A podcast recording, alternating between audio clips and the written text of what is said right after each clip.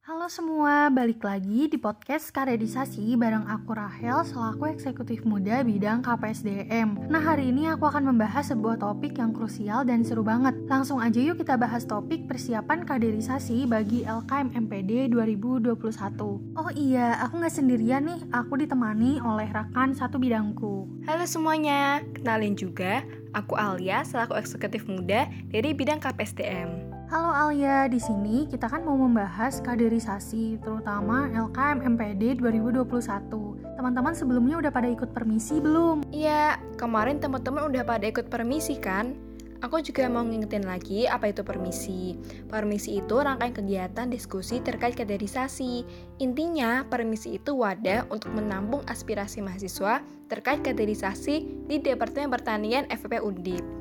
Betul banget, kalau teman-teman udah ngikutin diskusi permisi, berarti udah ada gambaran ya terkait inovasi, masukan, dan saran untuk kaderisasi ke depannya, terutama untuk LKM MPD 2021. Tapi nih yang kemarin belum bisa ikut hadir, kita di sini juga akan ngebahas lebih lanjut lagi kan Hel.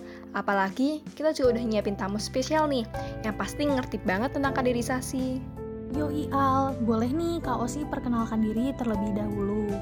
Halo semuanya, semoga dalam keadaan sehat selalu ya. Kenalin, nama aku Hosiana Christine, biasa dipanggil Osi. Aku dari jurusan Agribisnis 2018 dan sekarang sedang diamanahi sebagai Kabit Kadan PSDM BEM FPP Undip 2021. Halo Kak, langsung aja ya kita bahas topik kita mengenai kaderisasi. Aku mau nanya nih Kak, seberapa penting sih kaderisasi terutama untuk mahasiswa Departemen Pertanian?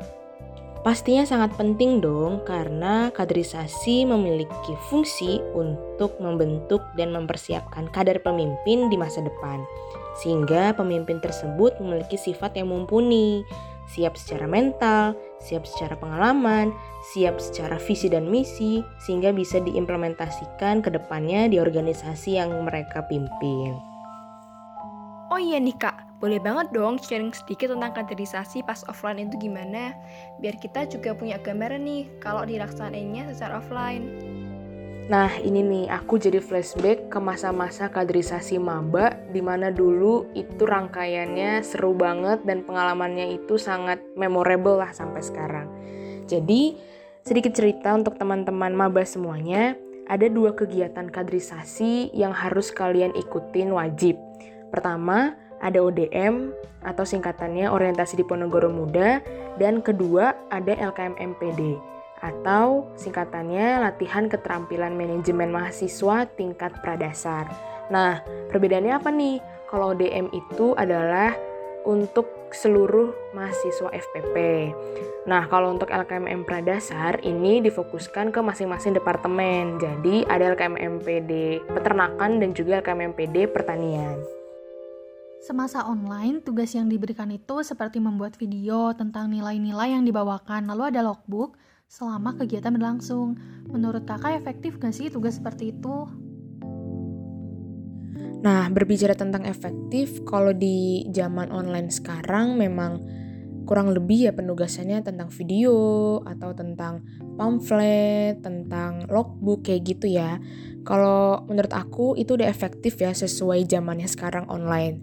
Jadi setidaknya maba juga tahu gimana nih mereview atau mengomentari tentang materi yang sudah mereka dapatkan. Seperti itu. Nah, kalau dari kakak sendiri nih sebagai pengkader, ada nggak sih urgensi nilai atau sifat yang harus dibawa dan ditanamkan ke mahasiswa baru kayak keharmonisasian atau integritas gitu kak? Untuk urgensi nilai yang bisa dibawakan di LKMPD tahun 2021, menurut aku ada tiga. Pertama, nilai pejuang atau kesatria. Harapannya nanti mahasiswa baru bisa berjuang semaksimal mungkin untuk mewujudkan mimpi mereka, baik itu mimpi kecil maupun mimpi besar. Lalu yang kedua, ada nilai adaptif yang Tujuannya, mahasiswa baru bisa beradaptasi dengan cepat apa pun kondisi yang mereka hadapi.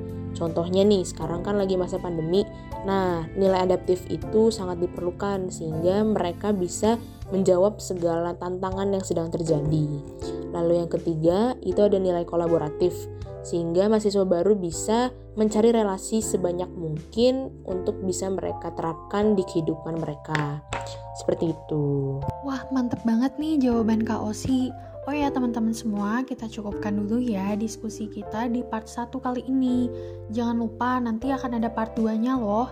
Dan di dalam part 2 nanti kita akan membahas mengenai FGD dan juga tugas LKM MPD yang menyangkut kakak tingkat. Terima kasih atas perhatiannya semua. See you. Terima kasih Rahel dan Kosi atas waktu dan jawaban yang udah diberikan. Jangan lupa bakal ada part 2-nya loh teman-teman. Ditunggu ya. Terima kasih kembali Rahel dan Alia. Salam kaderisasi.